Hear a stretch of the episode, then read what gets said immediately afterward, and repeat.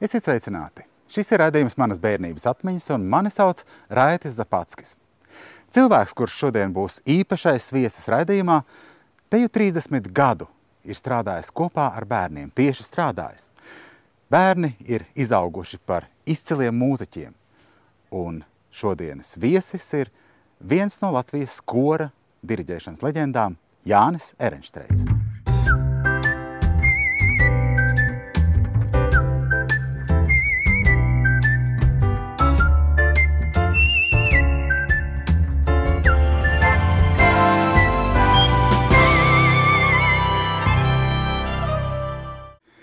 Jāni, man ir ļoti liels prieks būt pie jums, jūsu mājās, pie jūras. Gluži jau nav melots, ka pie jūras viņu jau kaut kur aiz, aiz tā mežiņa ir.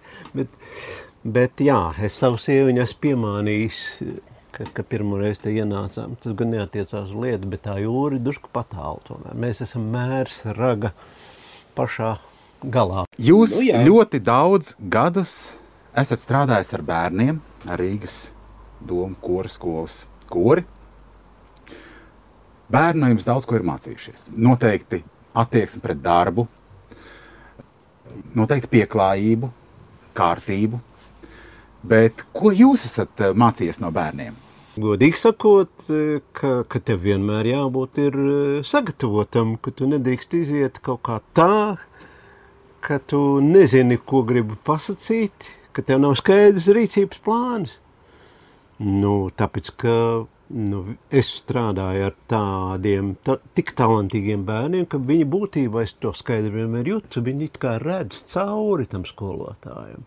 Un tas liek labi saņemties. Un tā bija, tā bija tā vērtīgākā lieta, ka nekad eh, nevarēja nu, tā pavisam atslābt un, un kaut kā tā niekodamies novadīt mēģinājumu. Kurā brīdī Jānis Erenšstreits kļuva par mm, cilvēku ar tādu stingru mugurkaulu? Tas bija jau bērnībā? Nu, būtībā es piedzimu uh, ģimenē. Mani vecāki man mīlēja, bet šaubām es biju otrais bērns. Pirms man vēl ir vecākā māsa, bet 1942. gadā pasaulē nācu es. Un viss jau būtu labi, bet e, mm, tie bija tādi laiki, varas mainījās. Un 45. gadā manu tēvu aizsūta uz tālo Krieviju, uz filtrācijas nometni. Mēs paliekam ar mammu, divi mazi bērniņi. Un es teiktu, ka, ka tās gaidas un Eh, tā sajūta, ka, ka, ka tēvs ir kaut kur nezināmā virzienā, un mēs pat, no, mamma arī neuzdrošinājās tik atklāti runāt, kad viņš būs atpakaļ. To neviens nekādīgi nevarēja zināt. Mamma saņēma ziņu, un arī mammas tēvs, mans grospaps, kā mēs viņu saucām, ka viņa stundas ir skaitītas. Viņš dziest laukā no tās nometnes režīma, kas tur bija. Viņi dzīvoja Mm, zemeglēm cauru gadu. Viņi bija tur uh, baļķu sagatavošanas darbos, un, un viņi tika baroti ar karstu ūdeni aplietām biešu lapām. Un es domāju, ka eh, tāpēc arī mans tā, vecais tēvs posās ceļā, lai viņu uz, uz saviem pleciem nogādātu līdz tuvākajai vilcienu stacijai, Un tad es esmu četri vai pieci gadu vecs. Mēs nu viņu sagaidām. Nu, Mazvānīši kā plaukā viens tāds, kurš pilnīgi tur turēdāmies, nespēja pats noturēties uz kājām. Un mamma saka, ej viņu samīļo. Es saku, tas nav mans tētis. Kaut gan pirms tam es biju kāpis tur uz visādām augstas grēdām, sauc tēti, nē, godīgāk papu, kur tu esi? Brauc mājās. Nu jā, un 47. gadā man piedzima brālis, ko es ļoti mīlēju, Aldis, un atkal nāca viena drāma. Es nemaz negribu stāstīt kādos apstākļos, bet tas mans divgadīgais brālis gāja bojā. Tas bija ļoti, ļoti skarbs laiks. Kādas īpašības jūs no saviem vecākiem esat mantojis? Nu, no mammas noteikti tad es varētu arī to vienu attribūtu parādīt. Arī, ja? jā, varbūt mēs arī redzam. Pletīzers, Ka- tas tā ir kārtīga manta. Es teikšu, ka absolūti arī viņi nepaspēja kaut kādas lielas manas arī iekrāt. Bet gludeklis. Šis ir no mammas laikiem. Es viņu neesmu paspējis sapost, jo vienkārši viņš stāvēja tāds nu, neaiztikts bez vajadzības. Es viņu necilāju. Visa veļa vienmēr tika izgludināta. Es vēl to smaržas nevaru aizmirst. Jo pat ziemā es kādreiz brīnījos, maz būdams, ienes palagu, viņa pilnīgi kraukšķīgi tāda sasalus. Te viņa laikam lika pie eh, krāsnes, un tad, kad viņa atguvās no tā sasaluma, tad vienmēr viņa tika ārkārtīgi skaisti izgludināta. Ļoti bieži tēvs mani ņēma līdzi meža darbos. Es biju pavisam sīgs un dabīju, ka to visu smago viņš izdarīja pats ar divroču zāģi. Un dažkārt es tajā otrā galā biju, un tas, ko viņš man mūžīgi teica, tikai nespied, tikai nespied. Bet viņš iemācīja pa ceļam skatīties dabā, ievērot, kur mēs esam, kā saule, kas tie kokiem, cik apmēram tas koks varētu būt ilgi audzis. Un es to stāstu tikai tāpēc, ka to sajūta arī mana mamma. Un es tikai pēc tam, vēlākos gados, kad es pats izvēlējos savu specialitāti, dabūju zināt, ka mammai ir bijis tāds sapnis. Nevis mani jūras lietās tur skolot un taisīt, izskolot par zvejnieku vai tālu, tālu jūru ceļotāju, bet viņa gribēja, lai es izmācos par mežkopi, par mežsargu vai katrā ziņā ar meža lietām, ar, ar, ar šīm lietām saistītu profesiju. Bet viņi bija ļoti racionāli. Viņi bija noskaidrojuši, ka mežsargam ir savs zirgs, ka mežsargs tiek pie savas mājas. Mēs citu starpā Dzīvi nodrošināt. Jā, Kurā brīdī jūs uh, tomēr sākāt to mūziku? Kurš bija tas mudinātājs? Te atkal ir viena tāda drāma, būtībā drāma. Vecais tēvs dzīvoja ciema centrā, un viņa māja joprojām stāv gluži tādā pašā siluetā, kādu viņš pats uztaisīja savām rokām. Bet es nesaprotu izskaidrot, eh, ka bija iedibināta tāda kārtība, ka pie vecā tēva ejot, tev ir jābūt gandrīz nu, tā kā alva zaldātiņam.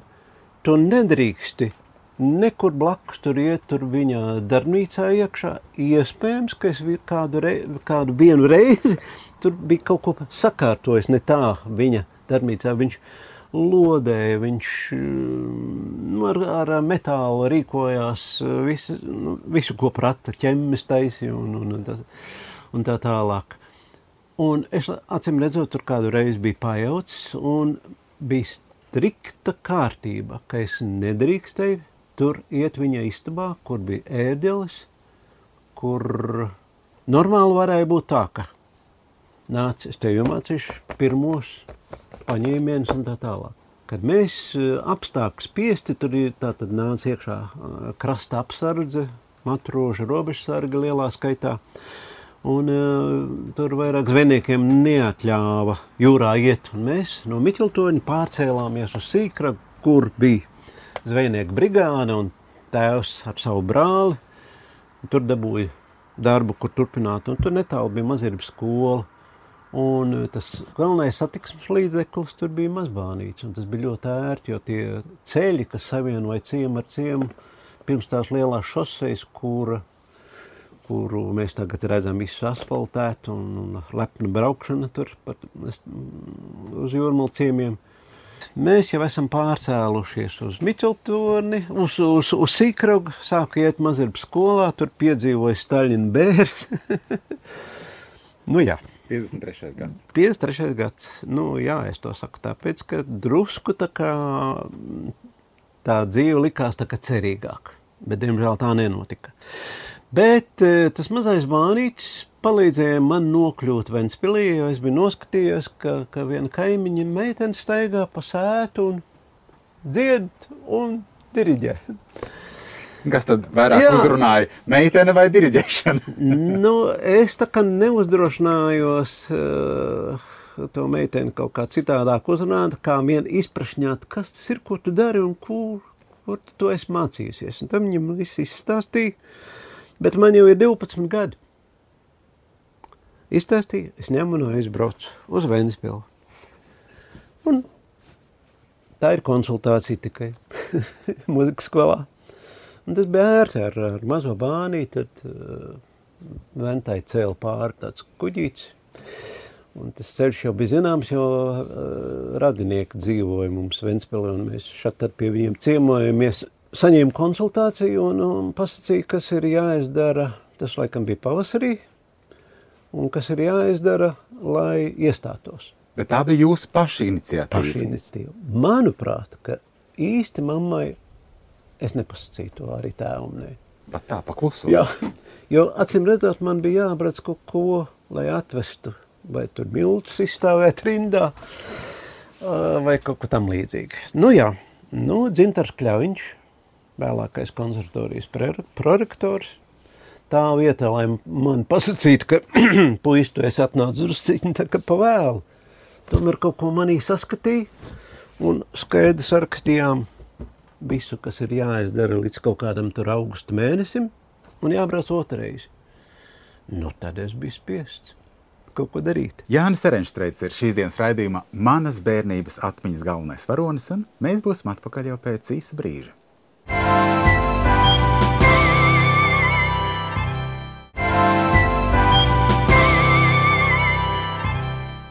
Jūs skatāties raidījumu manas bērnības atmiņas. Mani sauc Raita Zapatskis, un šīs dienas raidījuma viesis ir diriģents Jānis Erenštreits. Mācoties Ventspils mūzikas vidusskolā, man liekas, jau otrajā kursā, nu, aizbraucu ciemos pie vecā tēva uz Miķeltorni. E, Vecais tēvs, acīm redzot, zināja, ka es esmu iestājies mūzikas vidusskolā. Viņš bija pavisam citādāks. Viņš man sagaidīja smaidīdams, bet pa taisno ceļu veda uz savu istabu, kas nu, skaitījās Neaizskarama vieta. neaizskarama vieta, kad es biju pavisam mm, sīkais.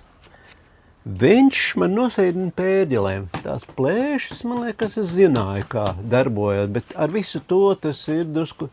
Ah, nu jā, mums mūzikas vidusskolā arī vienā koridora galā bija ar plēšām tādas mazas ēdelītes, un tur es, es šo to biju tā mēģinājis, to skaņu savienot kopā. Bet vecais tēvs atver, atver vienu, es domāju, ka nepārāk tālu, un liek man spēlēt. Nu, man tāds uztraukuma labs vilnis izgāja cauri klavierēm, bet tāda četrbalsība mums jau, tas jau bija, bija pamatā kor diriģentiem. Nu, un man pa lielu brīnumu, es tagad nepateikšu, kur tas, kur, kur, kurš tas bija. Nu, es jau nu gan neņēmu kaut kādu baigu žiglo tempu, bet tā apmēram, kā jau man bija mācīts, vispirms ar acu skatu pārlaidi, kas tur, Jā. ir pa toņu kārtu un tā tālāk, kas tur notiek un tā tā. Tā drusku arī tā apskatos ar acīm, visu tā tā izpētu. Vectēvs tā. Mm, Viņ, viņš saprata, ka, ka tas gluži nepareizi nav, ko es daru, ka nevar tā uzreiz mesties tā kā karstā ug, ugunī.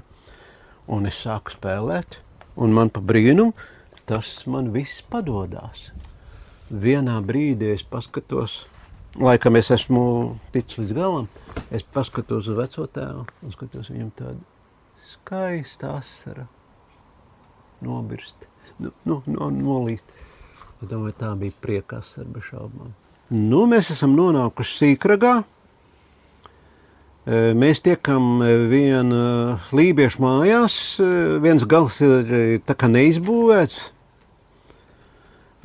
Otrā galā dzīvoja šeit, ziemeļpusē, laikam pati saimniece, ļoti, ļoti veca. Bet šeit, dienvidpusē, dzīvoja um, karaspēka. Tur, tur bija tie saucamie jūras um, krasta matroži. Viņi apkalpoja bāku tur vietējo, lai nu, navigāciju regulētu tā tālāk. Un bija tā, ka mm, te dzīvoja tas Mičmans, viņu priekšnieks.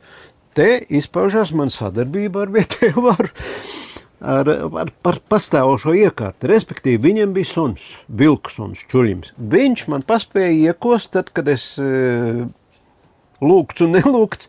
E, gāju tur pie matarožiem, spēlēt bumbu, volejbolu, bumbu, volejbolu jā.